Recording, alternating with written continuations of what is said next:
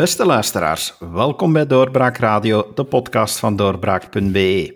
Ik ben uw gastheer David Geens en vandaag hebben we in de virtuele studio opnieuw onze politieke specialisten, onze politieke zwaargewichten, onze kenners, onze analisten. Ik weet niet welke titels ik ze allemaal mag geven inmiddels, maar ik weet wel dat we altijd boeiende gesprekken hebben. Uh, welkom in deze studio, Pieter Bouwens en Bart Maddes.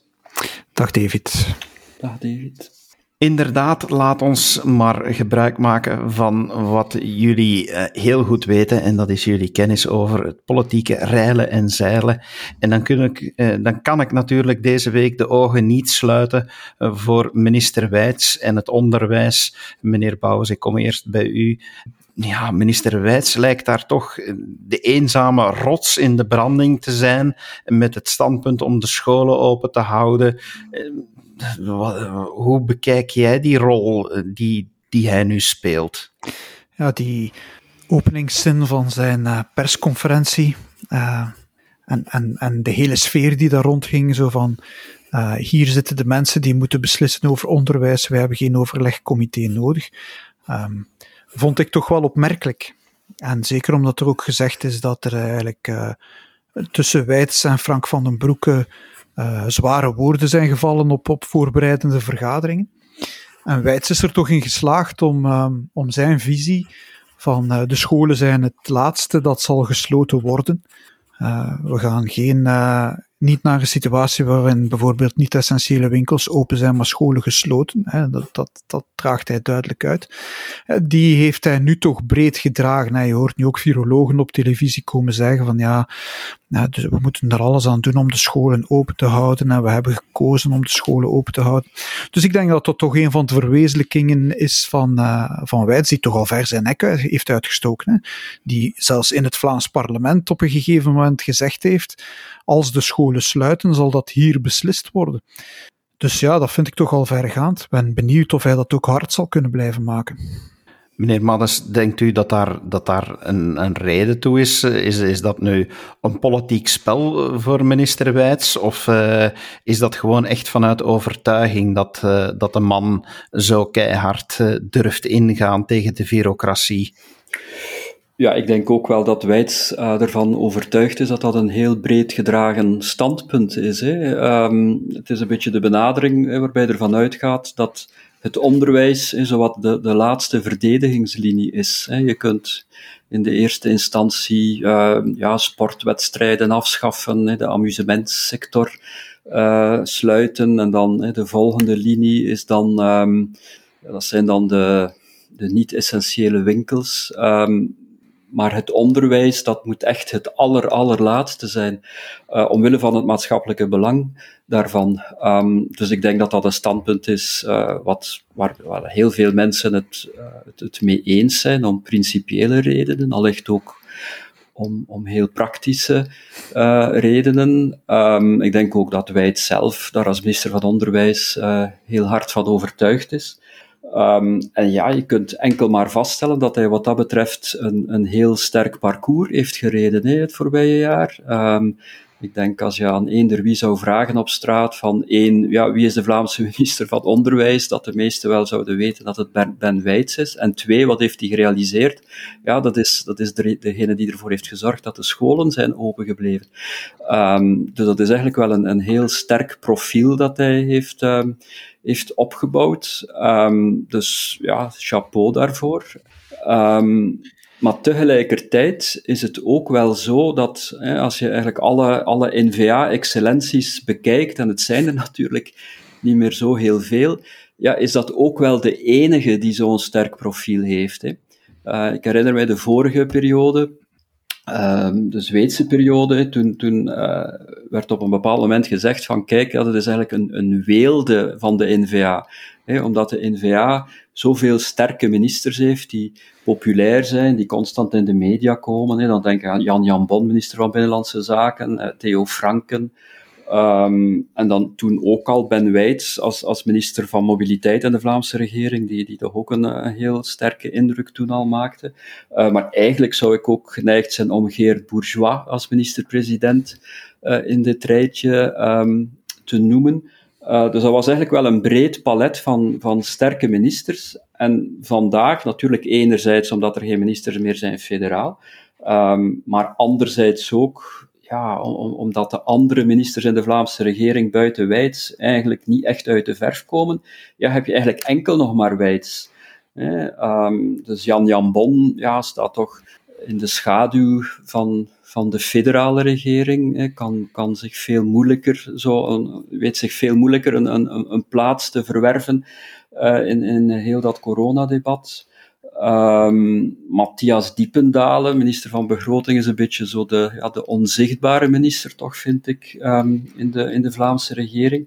En, en dan Zuhal Demir kampt met, ja, met een aantal heel moeilijke dossiers, hè, een aantal K, puntje, puntje, puntje dossiers. Dus nu weer uh, heel die stikstofproblematiek, uh, uh, dan de, de mestproblematiek. Ik bedoel, dat zijn dossiers waar zij denk ik moeilijk veel eer kan van halen. Hè. Dus het zal altijd wel verkeerd zijn wat ze doet. Het is eigenlijk meer een kwestie van schade beperken.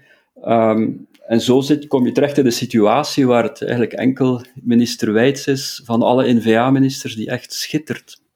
Maar, ja, hij, hij heeft zijn nek ver uitgestoken, maar om nu te zeggen dat hij daarvoor geliefd is in het werkveld, dat denk ik dat je dat toch met een korrel zout mag nemen. Ik denk dat ook in, in de scholen vandaag, of ik merk in de scholen vandaag, dat er een, ja, een, een, een dualisering bezig is. Hè? Want langs de op dit moment uh, loopt er een bevraging van de Socialistische Vakbond voor een staking. Uh, maar letterlijk, wij zijn het beu om als kanonnenvlees in de strijd te worden geworpen. Dus daar voel je dat, dat er toch ook tegen dat beleid van, van enige tegenstand is vanuit het onderwijs zelf. Langs de andere kant voel je dat ook bij, bij, bij leerlingen, maar hoor je ook um, als je bijvoorbeeld naar de podcast uh, geluisterd hebt die ik met Harry de Paap en Pieter van den Bossen, twee leerkrachten en auteurs bij Doorbraak, heb opgenomen in december, hoor je toch hoe zij echt ervaren dat er een, een grote leerachterstand is. En ik hoor dat nog altijd. Hè, dat er toch echt wel problemen zijn, dat, dat ook blijkt dat dat afstandsonderwijs niet altijd ideaal is om, om, om les te geven. En dat daar de vraag echt wel is om, om, om echt fulltime terug naar school te kunnen. En zeker zo lang mogelijk die scholen open te houden. Maar dan botst je natuurlijk op, op wat ook in de media, ja, er is in de media toch echt heel lang een hetze geweest alsof de scholen de motor van de epidemie waren. Hè. En, en dat dan de perceptie leeft bij leerkrachten dat zij het kanonnenvlees zijn, dat, dat begrijp ik ook wel. Ik heb de cijfers nog eens opgevraagd. Op dit moment zijn er 58 scholen gesloten wegens een uitbraak op de 4000. Dat is niet om te zeggen dat er een groot probleem is in het onderwijs. En het zijn vooral basisscholen uh, die gesloten zijn. Meestal gaat dat dan eigenlijk om het feit dat ook te veel leerkrachten ziek zijn om, om die scholen nog draaiende te houden.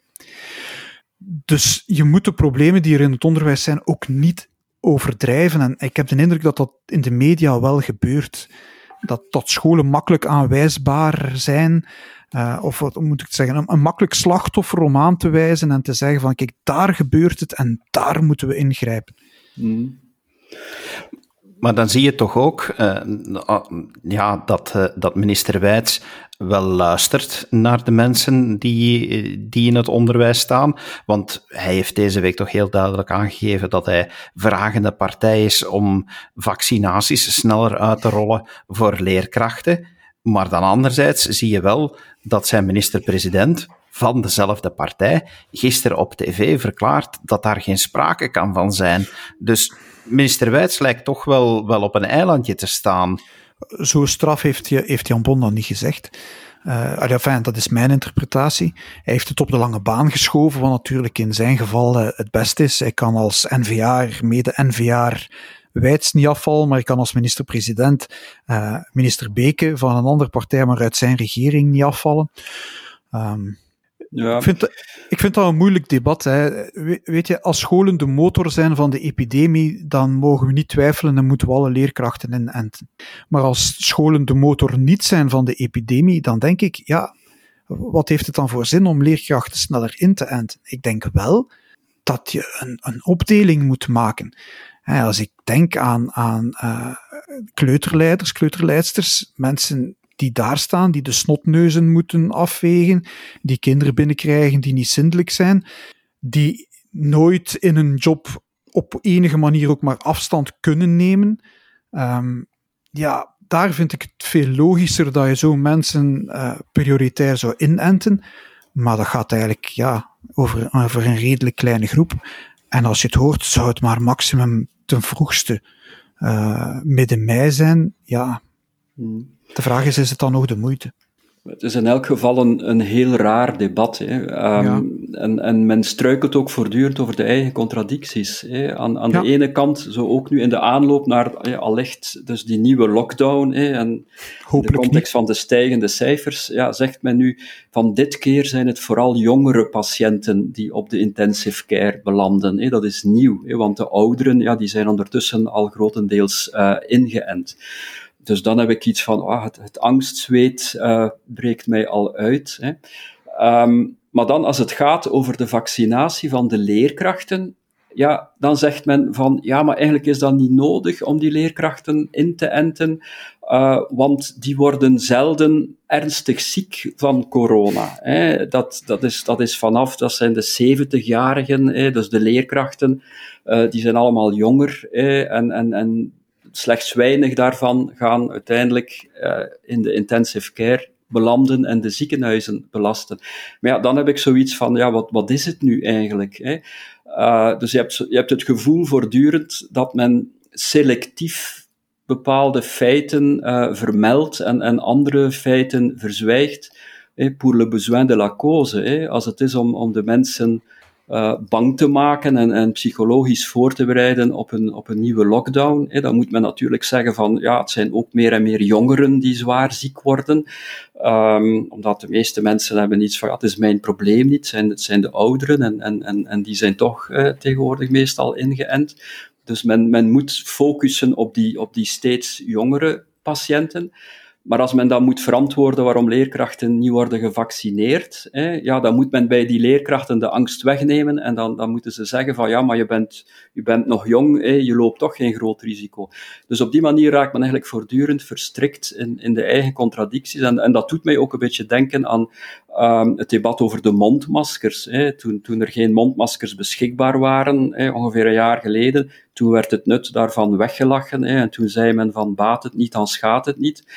Um, en ja, als je het echt niet kunt laten, oké, draag, dan draag dan maar een mondmasker. Maar toen dat de mondmaskers dan wel beschikbaar waren, een paar maanden later, ja, toen was plots een heel ander discours en zei men van mondmaskers zijn echt essentieel uh, om het vaccin te overwinnen. En dan werd het zelfs tot in het belachelijke toe uh, verplicht gemaakt, het, het, het, dragen van um, mondmaskers.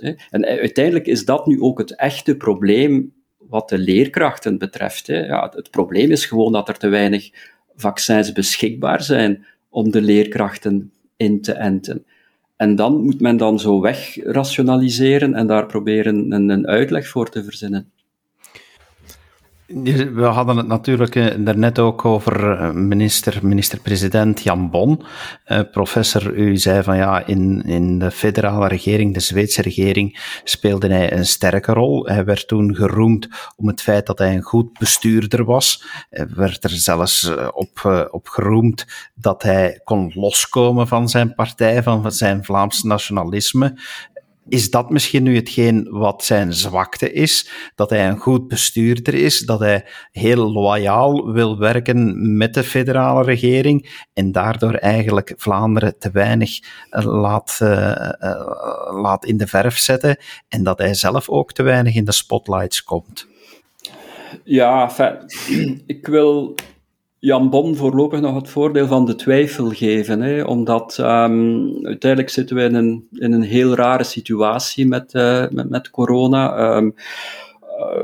Het, het, ik denk ook allee, dat, het, dat het geen goed idee zou zijn om, om nu echt allee, de, de communautaire gaspedaal diep uh, in te duwen, om nu wat men dan noemt communautaire spelletjes te spelen. Ik denk dat, dat Jan Jan Bon daar eigenlijk ook niet goed uh, uit zou komen.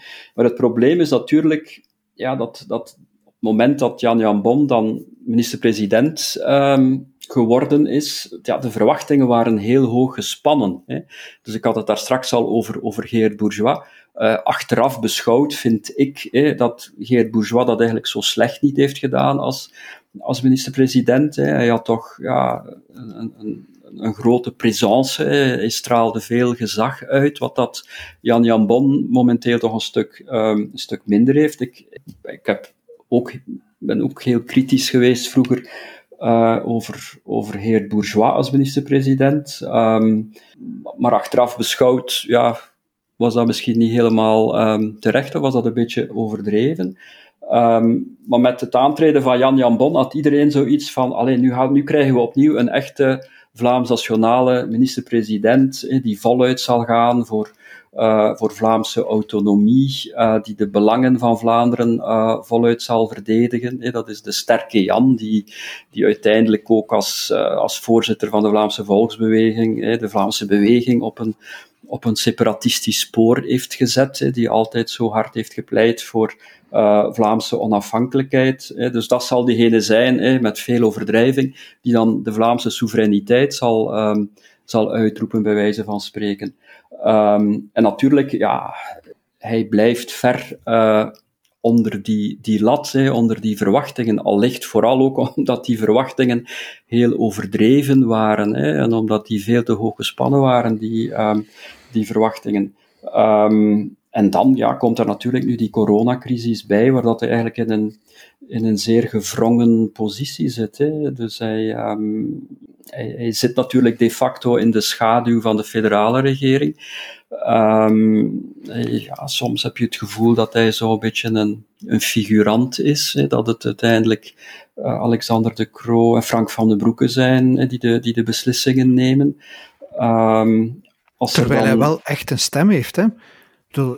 Ja, absoluut. Het overlegcomité moet in consensus beslissen. Dus. Hij heeft een vetorecht. Ja. Um, en, en ik denk ook wel uh, dat hij weegt um, op, de, op de besluitvorming en dat we hebben het daar vroeger ook al over gehad, um, hij meer kan wegen binnen het overlegcomité, dat eigenlijk een comité is dat in consensus moet beslissen, eigenlijk een confederaal comité, dan vroeger in de Nationale Veiligheidsraad, waar de minister-presidenten enkel werden uitgenodigd als waarnemer, hè, dus eigenlijk enkel advies uh, konden, konden geven.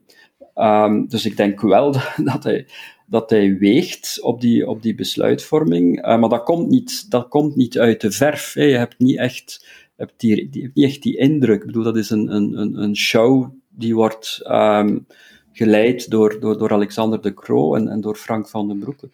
Maar als, als je echt luistert, hoor je dan wel achter de schermen dat, dat, dat die Rupo en, en, en Jan Bon bijvoorbeeld ook vooraf vergaderen en overleggen. En echt wel een, een belangrijke inhoudelijke rol spelen op dat overlegcomité. Maar dat ze dat dan naar buiten niet altijd brengen. Eh, ook, ook de laatste persconferentie wordt door veel mensen gezien van kijk, ja, uh, Jan Bon, Jeholij, uh, die Rupo waren er niet bij. Um, zouden ook bewust gezegd hebben van nee, uh, Van den Broeke en, en, en de Kroo kunnen nu alleen oplossen. Dat wordt ook gezien als, als, als ja, er, er zijn problemen, het gaat allemaal niet meer zo vlot. Langs de andere kant, ja, hebben we hier ook al gezegd, oppositie voeren tegen de coronamaatregelen is moeilijk. Ik denk dat als men nu grote, um, grote verdere stappen gaat zetten en opnieuw een lockdown gaat doen, bijvoorbeeld, dat die oppositie er wel zou kunnen komen. En, en hoe je het ook draait of keert, er zit wel een communautair aspect aan. Uh, er worden al een tijdje studies gedaan naar de, wat men noemt seropositiviteit. Dat wil zeggen hoeveel procent van de bevolking heeft eigenlijk uh, COVID doorgemaakt en heeft antilichamen. En dan zie je dat die verdeling tussen Vlaanderen, Brussel, Wallonië echt wel helemaal anders is. Die ligt veel lager in Vlaanderen dan in Brussel en Wallonië. En we zijn met de redactie van Doorbraak nu al een tijdje aan het proberen om, om een, een, een wetenschapper, hè, een, een expert daar nu eens uitleg te, over te geven van hoe komt dat nu, wat, zegt dat? En er is eigenlijk niemand die, die zijn kop in dat wespennest wil steken. Er is eigenlijk niemand die, die voor ons die interpretatie wil doen. We kunnen die zelf ook doen. Maar dat is natuurlijk iets anders. Ik ben geen, uh, geen, geschoolde, geen geschoold medicus. Maar blijkbaar zien zij daar dan toch grote problemen in om dat uit te leggen. Hmm. Ja, het is een communautair probleem, het is ook een communautair probleem binnen de federale regering. Hè? Um, omdat het dus eigenlijk vooral de MR is die op de rem staat binnen de federale regering om echt uh, opnieuw radicale maatregelen te nemen. Het is mhm. de MR die de, die de niet-essentiële winkels per se open wil houden. Um, en dat blijkt ook de reden geweest te zijn waarom de federale regering dan, dus op het voorbije overlegcomité, um, is beslist om eigenlijk de bal, de hete aardappel, terug door te sturen naar de ministers van Onderwijs. Hè. Um, om, om, om, omdat men geen beslissing kon nemen, de knoop die niet kon doorhakken, niet durfde door te hakken rond uh, de, de, de niet-essentiële winkels, um, keek men dan opnieuw in de richting van het onderwijs. Terwijl, zoals ik daar straks al zei, in feite is het veel logischer hè, dat als er dan harde maatregelen opnieuw moeten genomen worden, ja, dat, dat, dat je dan eerst kijkt naar de, naar de winkels, naar de commerciële sector, precies om het onderwijs zo lang mogelijk open te kunnen houden en te kunnen vrijwaren. Maar daar was er dus geen consensus over binnen de, binnen de federale regering, omwille van de oppositie van de MR. En de, en de vorige keer heeft men de winkels gesloten en dan kwam de minister van Volksgezondheid op tv zeggen we hebben er eigenlijk geen wetenschappelijke onderbouwing nodig, maar we hadden een signaal nodig. Ja. En dus nu opnieuw die winkels sluiten, ja, dat wordt moeilijk natuurlijk. Hè. En dan hoor ik ook vertellen dat eigenlijk Wijts op zijn persconferentie de zondag exact hetzelfde plan op tafel heeft gelegd als wat op voorhand afgeschoten was. Hè. Waar hij terug moest naar de tekentafel. Naar het schijnt heeft hij bijzonder weinig getekend in dat weekend. en heeft hij gewoon gezegd: hier, wij beslissen voor het onderwijs. Eigenlijk het stond ook in een paar kranten. Hè. Die, die persconferentie was een opgestoken middelvinger van, uh, van Wijts naar uh, Frank van den Broeke. Ja die daar dan op maandagmorgen in de media heel rustig op reageerde, omdat hij natuurlijk ook moeilijk anders kan, denk ik. Maar je voelt dat daar dus inderdaad wel wat spanning op zit en dat die spanning stijgt, inderdaad ook intern. Hè. En mij is niet gelukkig en al een tijdje niet, en dat, dat is heel duidelijk. Hè. Ik ben ook heel benieuwd naar wat er gaat nog gebeuren de komende dagen. We nemen deze podcast nu op op dinsdagmiddag. Er, je ziet overal dat men begint signalen te geven dat de situatie verergert, of dat zijn geen signalen meer, dat, dat zijn, mhm. zijn uh, cijfers die men naar buiten brengt, maar dat zijn eigenlijk signalen die laten vermoeden dat de maatregelen gaan verstrengd worden. Het woord lockdown valt terug en zo verwachten jullie dat de regering dit effectief nog gaat kunnen doorvoeren? Dat daar nog steun bij de bevolking gaat zijn om verstrenging door te voeren? Diepe zucht. Ja. Ehm, het is moeilijk te voorspellen, ja. hè? Ja. Ik denk in elk geval allee, dat het, het vertrouwen van de burgers in de politici en de experts uh, een aantal deuken heeft gekregen. Hè. Die voortdurende contradicties waar ik het daar straks over had, ja, dat, dat gegoochel met cijfers. Je hebt ook het gevoel dat men nooit de volledige waarheid vertelt. Hè. Als men nu spreekt over een korte lockdown, ja, ik bedoel, in, in het sluiten van de horeca in, in, in oktober, dat, dat was ook bedoeld um, voor een korte periode, dat zou een maand zijn. Hè. Dan ook de, uh, de avondklok, dat was eigenlijk ook een maand, maar nu zitten we er nog altijd mee. De horeca is nog altijd dicht, de avondklok is er, is er nog altijd. Um, dus men, men neemt een bepaalde beslissing, een harde lockdown voor een korte periode. Ja, maar dan ergens via een voetnoot um, in, uh, in het Belgisch Staatsblad over een maand, ja, wordt dat dan weer voor een aantal maanden uh, verlengd. Dus ik denk dat er in dat opzicht een enorm wantrouwen is uh, ten opzichte van, van de beleidsmakers. En ik denk ook wel bij het aantreden van de regering, de Kro van de Vivaldi-regering, had je natuurlijk zoiets van: oké, er, treedt een sterke beleidsploeg aan, hè, in tegenstelling tot de regering Wilmes voordien. Uh, heb je nu eigenlijk mensen die weten wat dat ze doen, die de zaak kunnen managen, die, die goed communiceren. en ik heb de indruk dat dat, een, dat, dat dus een beetje weg is. Hè. Ehm, dat je opnieuw het gevoel hebt van men, men is aan het improviseren, men weet het eigenlijk niet meer zo goed, men neemt gekke beslissingen, hè, zoals die beslissing uh, dat je enkel uh, op de trein enkel aan het venster mag zitten. Um, er is ook veel kritiek vanuit het bedrijfsleven over die sneltesten, die nu zogezegd het, het wondermiddel zijn voor bedrijven waar er geen thuiswerk mogelijk is. Uh, maar die sneltesten, ja, daar zijn er gewoon veel te weinig van uh, beschikbaar. Die zijn dus op dit moment zelfs verboden, hè? Ja, dus dat is, ja. Dat is improvisatie. Dus ik, je hebt een beetje het gevoel van, allee, de, de, de maskers vallen af momenteel. Blijkbaar is dat nu toch niet uh, de sterke beleidsploeg um, de ploeg van 11 miljoen, hè, die, die goed wordt geleid door, door Alexander de Croo. Dus dat blijken even goed klungelaars te zijn. En het zou wel eens kunnen, het zou wel eens kunnen allee, dat men zich nu zal proberen te herpakken. Hè, dat men nu zal zeggen van opnieuw, gaan opnieuw harde maatregelen nemen om te tonen dat we de zaak toch wel in handen hebben. De campagne voor de ploeg van 11 miljoen is naar het schijnt verlengd. Ze gaan nog eens zoveel geld uitgeven om ons daarvan te overtuigen. Maar ik denk, vorig jaar was er een draagvlak. En dan hebben we, zijn we op 13 maart in lockdown gegaan. Ik dacht dat dat toen werd aangekondigd tot 6 april. En als ik mij niet bedrieg, heeft dat geduurd tot uh, ergens in juni. Maar toen was er een draagvlak, denk ik. Om, ja, het was allemaal nieuw en we wisten niks. Maar ik, laat, ik raad de lezers ook aan om het interview met uh, professor De Vroei te lezen op, uh, op Doorbraak. Waar jij eigenlijk zegt, ja, de maatregelen die we nemen, eigenlijk hebben we daar geen wetenschappelijke onderbouw voor. We weten dat eigenlijk niet. En dan, dan heb je eigenlijk schipper je tussen twee keuzes. Je ziet wat men op, op Nieuw-Zeeland bijvoorbeeld gedaan heeft, waar men echt gaat voor, voor zero.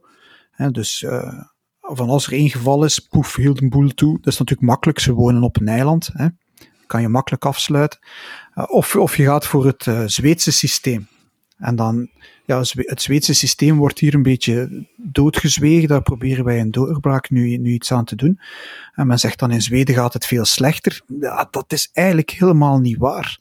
Dus ja, men probeert te doen alsof die lockdown, en ik heb de indruk eigenlijk dat ook de media daaraan meewerken, uh, alsof die lockdown de enige mogelijkheid is. Maar als je dan zegt van kijk, eh, de Vroei zegt in dat interview, um, ja, het moet een harde lockdown zijn. Vorige keer hebben we toegestaan dat mensen buiten mochten gaan wandelen, maar ik zie dan dat ze gaan wandelen in het Sonjewoud met tien man en een bak bier en ze doen een mondmasker af om een pintje te drinken. En dat moeten we ook allemaal verbieden. Dan denk ik, ja, ja waar zijn wij eigenlijk in godsnaam beland? In welk soort maatschappij? Uh, pleiten voor hetzelfde met die, met die avondklok. Eén, ik, ik was gisteravond gaan wandelen met mijn zoon. Om zeven uur was er al niemand meer op straat te zien. Dus ik denk dat mensen eigenlijk zelf wel thuis blijven. Er is ook niks te doen. Dat een verlenging van die avondklok nergens voor nodig is en contraproductief blijkt. Hè. In, in, in Wallonië en Brussel is er een vroegere avondklok, een langere avondklok. Er zijn er meer besmettingen op bepaalde periodes dan in, dan in Vlaanderen. Dus men doet maar wat. En, en, en probeert ons eigenlijk wijs te maken dat, dat, dat dat allemaal de enig mogelijke maatregelen zijn. En ik twijfel daar ernstig aan. Ik denk, ja, het is duidelijk, hè. Uh, men weet ook niet waar die de meeste mensen besmet worden. Hè. Ik weet niet of je die statistiek gezien hebt. 50% van de mensen zegt dat ze niet weten waar ze besmet zijn. Dat wil zeggen dat ofwel 50% het niet weet, ofwel dat er ook een heel groep mensen zijn die weten waar ze besmet zijn, weten dat ze dat ergens gedaan hebben waar dat niet mag en daarover zwijgen. Dus ja, we zitten ergens met een probleem. De vraag is, hoe pakken we dat aan? Het zal inderdaad nog uh, heel wat vraagtekens opwerpen en nog uh, heel wat maatregelen vergen om meer steun te creëren. Maar we hadden het over signalen en dan ga ik eens naar een ander signaal dat, uh, dat in deze coronatijd toch wordt gesteld. Of misschien de vraag, is het een signaal? En dan kijk ik naar wat Conor Rousseau doet en de SPA heeft omgevormd naar vooruit. Het was al lang aangekondigd, maar het is nu een feit. meneer Maddes, professor, Denkt u dat dat, uh, dat dat iets inhoudelijk betekent, of is het enkel maar de verpakking die verandert?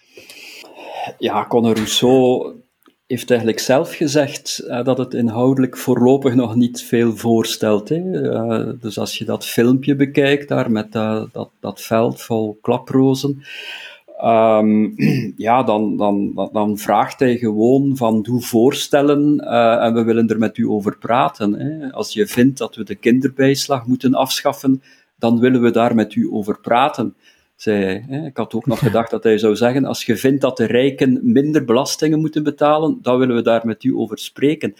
Um, om maar te zeggen, ja, dat, dat is eigenlijk een zwaktebod. Hè. Een, een echte leider ja, die zegt van ik vind dat we de kinderbijslag moeten afschaffen en in de plaats daarvan rechtstreeks geld moeten geven uh, om de armoede te bestrijden. Ik vind dat.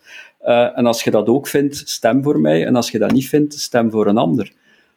Dus dat is een, dat is een leidersfiguur die, die de mensen overtuigt van, van, zijn, uh, van, zijn, van zijn eigen overtuiging, van zijn eigen opinies. Um, en dat is volgens mij ook het verschil met, met Steve Stevaart. Hè. Uh, Steve Stevaart, er zijn natuurlijk gelijkenissen met Conor Rousseau. Dat was ook zo'n een, toffe P die, die op een andere manier aan politiek doet, een meer volkse manier. Hè, die een, een ex-cafébaas was, was Steve Stevaart.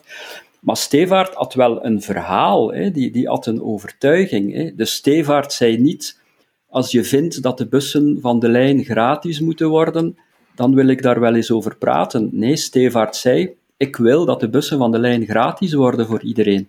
En hij heeft dat uiteindelijk ook gerealiseerd. En dat was natuurlijk, je kunt het ermee eens zijn of niet, maar dat was wel heel, heel sterk. En dat ontbreekt toch voorlopig bij, um, bij, bij Rousseau.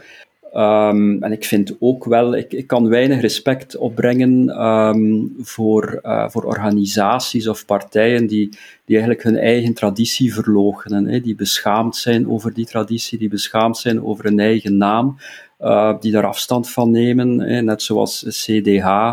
Um, op een bepaald moment, dus dan het christelijke, de verwijzing naar het christendom, heeft geschrapt uit de eigen naam. Dat was niet meer eh, de PSC, maar wel CDH. Hè. Um, de, de Volksunie eigenlijk ook. Er waren er ook een aantal die op een bepaald moment niet meer wilden gezegd hebben dat ze Vlaam nationalisten waren. Hè. Zelfs het woordje regionalistisch kregen ze op den duur nog nauwelijks over de lippen. Um, je hebt ook katholieke scholen die zichzelf niet meer katholiek willen noemen. En, en zo'n socialistische partij die, zich, die zichzelf niet meer socialistisch uh, wil noemen. Um, ik heb daar eerlijk gezegd weinig, uh, weinig respect voor. Te meer omdat uiteindelijk, ik ben zelf geen, geen socialist, maar de socialisten hebben, hebben toch niets om beschaamd over te zijn. Hè? Die zouden toch moeten fier zijn uh, over die beweging waaruit dat ze stammen. Um, over alles wat dat ze hebben gerealiseerd in het verleden, gaande van het algemeen stemrecht um, tot de sociale zekerheid. Hè. Dat waren toch allemaal socialistische realisaties, in de plaats van daarop voor te bouwen um, en, een, ja, een, een, nieuwe inhoud te geven aan, aan dat concept socialisme. Um, zijn ze daar precies beschaamd over uh, en, en, schrappen ze dat. En, en uiteindelijk de naam vooruit, ja, ik bedoel, als, je aan, aan, de man in de straat zou vragen, vooruit, wat zegt u dat? Dan denk ik, dat ze, zullen eerder denken aan Carglass, denk ik, uh, dan, aan, um, dan aan een coöperatieve in Gent in de, in de 19e eeuw. Dus het is maar een, een heel uh, beperkt groepje intellectuelen dat die link zal maken tussen vooruit en de socialistische coöperatieve. Maar ik denk dat dat ook eigenlijk de achterban van de partij geworden is. Een groepje, ja, klinkt dan om zo bourgeois bohemien, maar, maar ja, linkse intellectuelen. Uh, als, je, als je kijkt ook naar Conor Rousseau, altijd duur gekleed, um, om, om dan de gelijkheid te komen prediken. Ik vind dat eigenlijk allemaal een beetje hol klinken, eigenlijk, moet ik eerlijk zijn. Uh, langs de andere kant kan je wel zeggen, structureel heeft hij al, al, al wel wat verwezenlijkt in die partij. Hij heeft eigenlijk de, de regionale baronieën in die partij um, op de knieën gekregen of, of, of daar de macht van gebroken. Dat heeft hij wel gedaan. Maar waar het inhoudelijk over om gaat, hè, uh, waar staat vooruit voor? Uh, wij willen met vooruit het beste land van de wereld maken. Ja, enfin, als dat het intellectueel niveau is waarmee de socialisten verder gaan, dan, dan, dan moet je daar toch ernstige vragen over stellen. Het deed me trouwens denken aan, uh, aan Guy Verhofstadt, die van dit land een modelstaat wou maken toen hij met Paars begon. En we hebben allemaal gezien waar dat geëindigd is. Hij heeft ook eigenlijk ja, alle principes waar hij voor verkozen was achtergelaten op dat moment. Hè. Dus ik denk dat dat een moeilijke oefening wordt voor. Ja, ik, vind het, ik, ik deel wat professor Maddes zegt. Ik vind het raar. Hè. De, de hoeveelste keer is dat nu dat de Socialistische Partij in ons land van naam verandert? Alsof ze inderdaad beschaamd zijn waar ze voor staan. En, en echt een breuk maken met wie ze zijn, dat gaan ze niet kunnen, hè, want ze, ze zitten in, in, in de federale regering. Ze maken deel uit van, van, van het systeem. Ze maken deel uit van de achterkamerdeals die daar worden gesloten. Ze blijven politieke benoemingen doen. Uh, ze blijven compromissen maken. Dus hoe, hoe ga je het verschil maken met, met, met wat daarvoor is? Ja, enfin, mij, hebben ze niet overtuigd, uh, moet ik eerlijk toegeven. Ik, ik, ik wacht nog altijd op, op ja, die, die socialistische partij die fier is op waar ze voor staat. Nu, bij CD&V hebben we dat ook gezien, hè, bij de voorzittersverkiezingen. Ja, dat was ook hetzelfde. Hè. Dat waren ook geen voorzitters die echt een, een, een duidelijke overtuiging hadden. Hè. Die zeiden van, van ik ben christelijk, hè, of ik ben sociaal bewogen en we moeten die richting uit. Die zeiden allemaal van we moeten een brede bevraging organiseren, we moeten de leden meer uh, inspraak geven, we moeten de partij hervormen. Um, dus dat bleef ook allemaal steken in, in die ja, formele, procedurele zaken. Het zijn die, die traditionele partijen, eigenlijk zeg maar uit twee eeuwen geleden soms, die op zoek zijn naar zichzelf, die, die gebouwd zijn op breuklijnen in de maatschappij en, en daar op dit moment niet meer aan in passen. Wat betekent de Socialistische Partij op dit moment voor de arbeiders? Ze zijn meer bezig met het, uh, met het woke van, van de, de linkse intellectuelen dan met echt de noden van de arbeider. En, en daarnaast hebben ze concurrentie van de PVDA, uh, die wel die arbeider rechtstreeks aanspreekt en, en, en, en onder ja, uh, linkse progressieve intellectuelen hebben ze de concurrentie van groen. daar denk ik dat Rousseau misschien nog wel wat vol kan pikken, maar ja, Groen is ook echt op zoek naar zichzelf, maar je ziet toch echt dat dat, vooruit um, niet de concurrentie zal aangaan. Zo verwacht ik dat toch met de PvdA, maar eerder verder naar het centrum schuift. En het wordt drummen in dat centrum, hè. Want ook CD&V, Open VLD en eigenlijk ook de NVA probeert allemaal in diezelfde centrumvijver te vissen. Dus of dat, dat echt een oplossing is voor de traditionele partijen, daar twijfel ik ernstig aan, moet ik eerlijk toegeven. Denken jullie dan dat het een invloed zal hebben op de verdeling? Eh, want ja, we hebben recent nog een peiling gehad. Als iedereen in dat midden begint te vissen, zoals u zegt, meneer Bouwers, dan moet datzelfde vijvertje onder meer verdeeld worden. En gaan dan misschien uiteindelijk de uiterste met de vissen gaan lopen en, en groter gaan worden? Ja, dat is wat we momenteel zien in de peilingen. Uh, dus de partij die eigenlijk ja, constant aan het doorgroeien is, uh, ook in Vlaanderen momenteel, dat is de PVDA, hè, dus die haalde 8,2% in de, de jongste hm. peiling, 5,6% uh, bij de jongste verkiezingen. Uh, dus die PVDA is echt bezig aan een, aan een gestaag groeitraject. Het is zich echt aan het consolideren. Ik heb ook wel de indruk dat PVDA een zeer goed geleide partij is. Dat zijn echt strak geleid. Strak geleid, maar, maar mensen die die weten waar ze mee bezig zijn, uh, die, die een, strategie uh, hebben. Um, en dan heb je natuurlijk, het is, in de jongste peiling was het, was het iets minder, maar toch nog altijd een 5 procentpunt hoger dan in 2019, uh, Vlaams Belang. Um, met 23,6 procent. en, en daaruit blijkt inderdaad dat het, het speelveld, de manoeuvreerruimte van de, de traditionele partijen, van de systeempartijen eigenlijk, die, die speelruimte wordt alsmaar kleiner. Hè, en dat, dat heeft belangrijke gevolgen voor de coalitievorming. Hè. Dus uh, de, de huidige Vlaamse regering met dit resultaat zou, zou geen meerderheid meer hebben. Um, dus de, er zou moeten nog een extra partij bij komen, hè, dat zou ja, SPA of Groen. Um, de Vivaldi-coalitie in Vlaanderen zou ook, ook geen meerderheid hebben.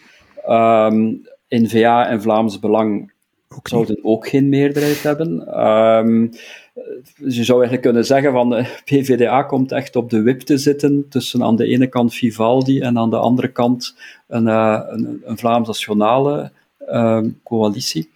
Um, maar dus het, ja, het, het, inkrimpen van dat speelveld, ja, dat zal het steeds moeilijker maken om, om coalities te vormen in Vlaanderen.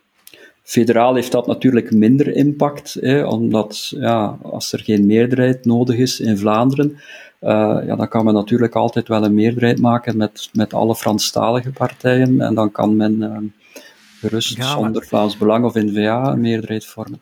Je ziet dat in Wallonië de PTB toch ook knabbelt aan de PS staat. Hè?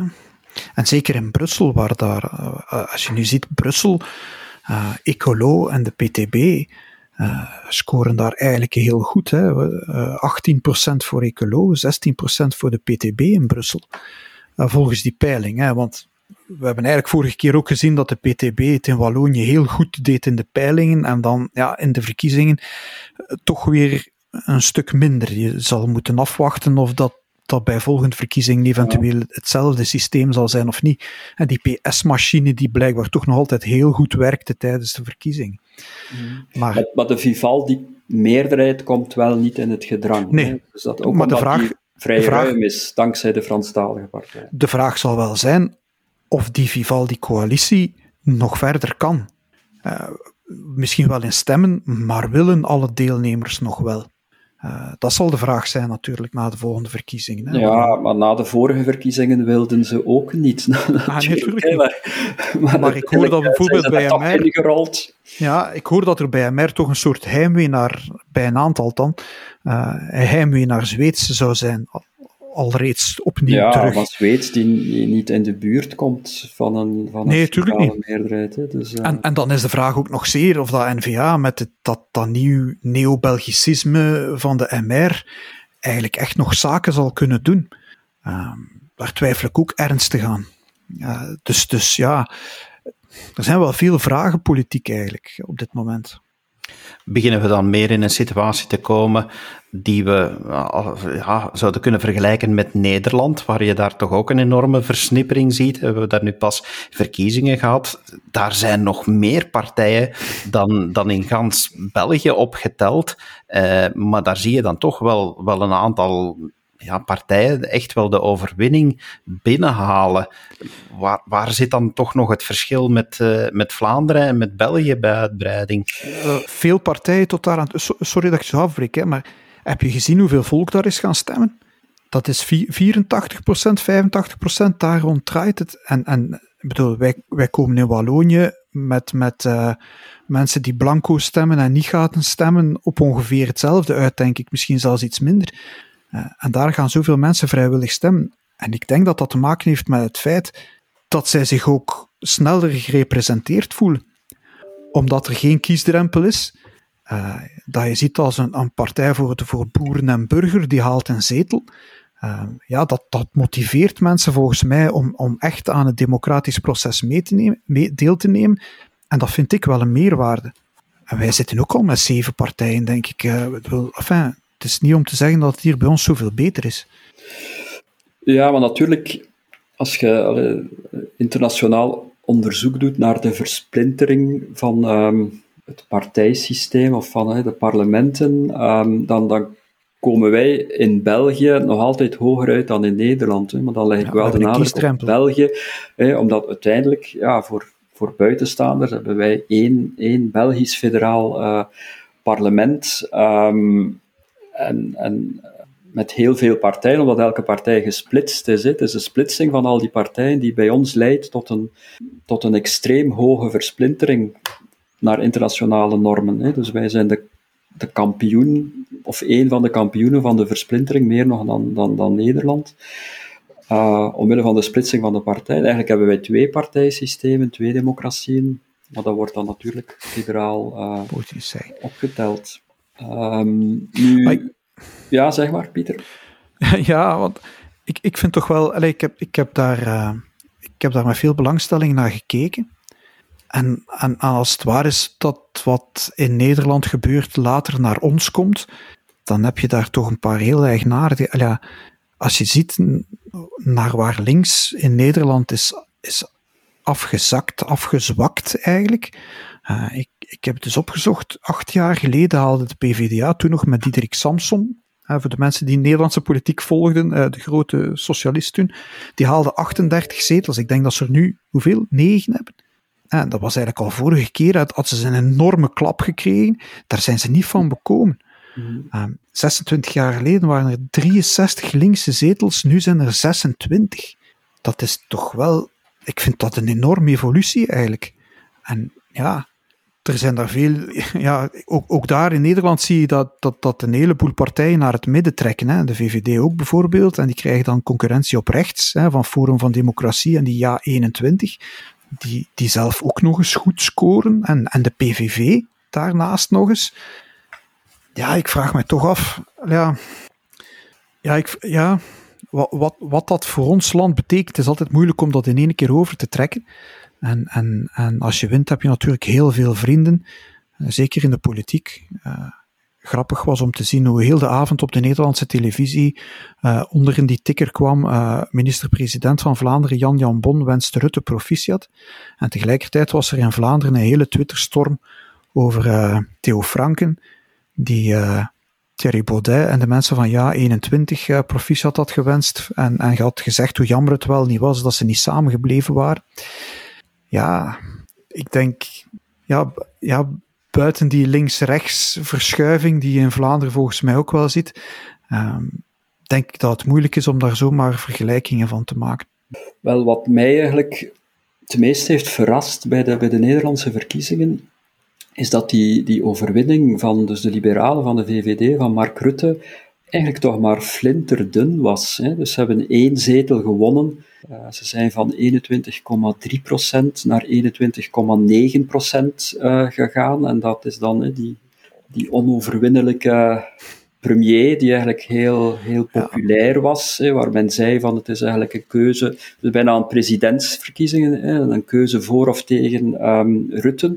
Wel, na, um, waarvan ook wel werd gezegd dat hij eigenlijk de coronacrisis vrij goed heeft, heeft gemanaged. En uiteindelijk is dat, is dat maar een heel, het is eigenlijk een, een, een status quo. Uh, voor, voor, voor de VVD. En daartegenover staat dan dat eigenlijk het, het blok van antisysteempartijen, PVV plus Forum voor Democratie, plus Ja 21, uh, eh, een vrij forse vooruitgang boekt, hè, met iets in de orde van een 3,5 uh, eh, procentpunten. Um, en, en ik herinner mij in onze vorige podcast hebben we gezegd van er is een, er is een niche in de electorale markt van kiezers die um, die het corona doen beu zijn, eh, de, de sceptici. Uh, en een, partij die niets te verliezen heeft, zou dat kunnen aanboren. Ja, dat is precies wat dat Thierry Baudet met succes heeft gedaan. Hè.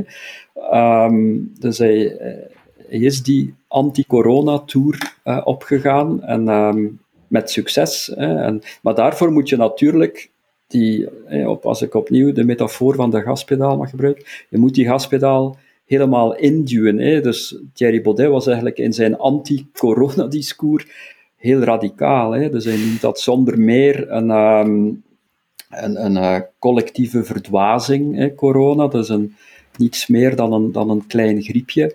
Um, het, interview een paar weken geleden in Paliterke met uh, Thierry Baudet vond ik heel interessant, wat dat betreft. Um, en ja, bedoel daarmee, dus natuurlijk, het, het gaat over kleine aantallen. Dus hij heeft 5% gehaald, 2% bij de, bij de vorige verkiezingen.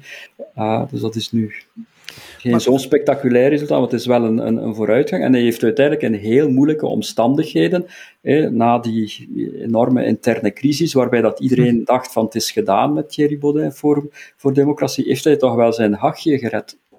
Maar wat van, van Rutten dat wel kan gezegd worden, zijn, zijn regering is eigenlijk ja, gevallen over een schandaal. En toch is hij de enige die daar dan nog winst uit boekt. Degene die het schandaal aan het licht bracht, eh, Pieter Omtzigt van CDA en iemand van SP, dat zijn ook twee partijen die, die daar eigenlijk niet bij gewonnen hebben. Dat is toch ook, enfin, dat vind ik ook een bijzondere, merkwaardige gang van zaken. ik las ergens een, een, een, een analyse die zei, blijkbaar liggen de kiezers van de VVD niet wakker van dat schandaal. En blijkbaar een groot deel van Nederland dus inderdaad niet. En de partijen die het aangebracht hebben, blijkbaar wel. En het wordt dan niet aangerekend of wel aangerekend. Het is te zien hoe dat je dat bekijkt. Dus ja. Wat je wel ziet in de, in de peilingen, um, dat is dat in de voorbije maanden uh, is dus eigenlijk de populariteit van, uh, van, van Rutte en dus eigenlijk het, het, het, het, stemmenpercentage van, van de VVD heeft een knik naar beneden gekregen. Mm -hmm. Um, dus daar zat eigenlijk wel, wel sleet op. Dus eigenlijk begin van, van dit jaar voorspelden de peilingen een, een veel grotere overwinning voor de liberalen in, in Nederland. Uh, en het grappige is dat je eigenlijk precies hetzelfde ziet uh, voor Angela Merkel en uh, de CDU in Duitsland. Hè. Ook daar zie je dat, dat de peilingen een knik naar beneden vertonen, wat zich onder andere ook heeft vertaald in de nederlaag van CDU in Baden-Württemberg en Rijnald-Vals. Um, dus dat, dat rally around the flag effect, als gevolg van corona, waarbij eigenlijk de kiezers zich scharen achter de leider, die dan de oorlog voert tegen uh, corona. Dat bleek tot vorig jaar wel uit de peilingen, zeker in Nederland en in Duitsland. Uh, maar dat effect is, is duidelijk aan het weghebben momenteel. Uh, natuurlijk in Duitsland heeft dat dan ook te maken met heel dat schandaal rond die mondmaskers eh, van die, de, van dus die CDU-parlementsleden eh, ehm, die dan ehm, geld hebben verdiend aan die, aan die mondmaskers. Dat heeft ook wel, wel meegespeeld. Maar je voelt wel dat er duidelijk sleet zit op de, de bonus die, de, die de traditionele partijen konden halen uit die coronacrisis. Ik denk wel dat er in de wedstrijd 16, uh, David, iemand met heel veel enthousiasme gekeken heeft en zichzelf graag als de Vlaamse Rutte zal, uh, zal zien. Maar ik denk niet dat het zo'n vaart zal lopen, eerlijk gezegd. Inderdaad, van dat, uh, dat zullen we nog moeten afwachten. En ik denk dat we daar uh, nog wel een van de vele uitdagingen zien die we in onze komende podcasts kunnen verder belichten en die we in de gaten zullen houden. Ik denk dat we daarmee een heel mooie analyse hebben gemaakt van wat er momenteel leeft. Uh, ik dank mijn gasten, meneer Bouwens, meneer Maddes, voor jullie bijdrage. Graag gedaan. Graag gedaan. En u, beste luisteraar, dank u voor uw luisterbereidheid. Blijf zeker afstemmen op onze podcasts en geniet er nog van. Tot een volgende keer. Dag. Dit was een episode van Doorbraak Radio, de podcast van doorbraak.be. Volg onze podcast op doorbraak.be/slash radio of via Apple Podcasts, Overcast of Spotify. Bezoek ook onze website op doorbraak.be en steun ons door een vriend te worden van Doorbraak.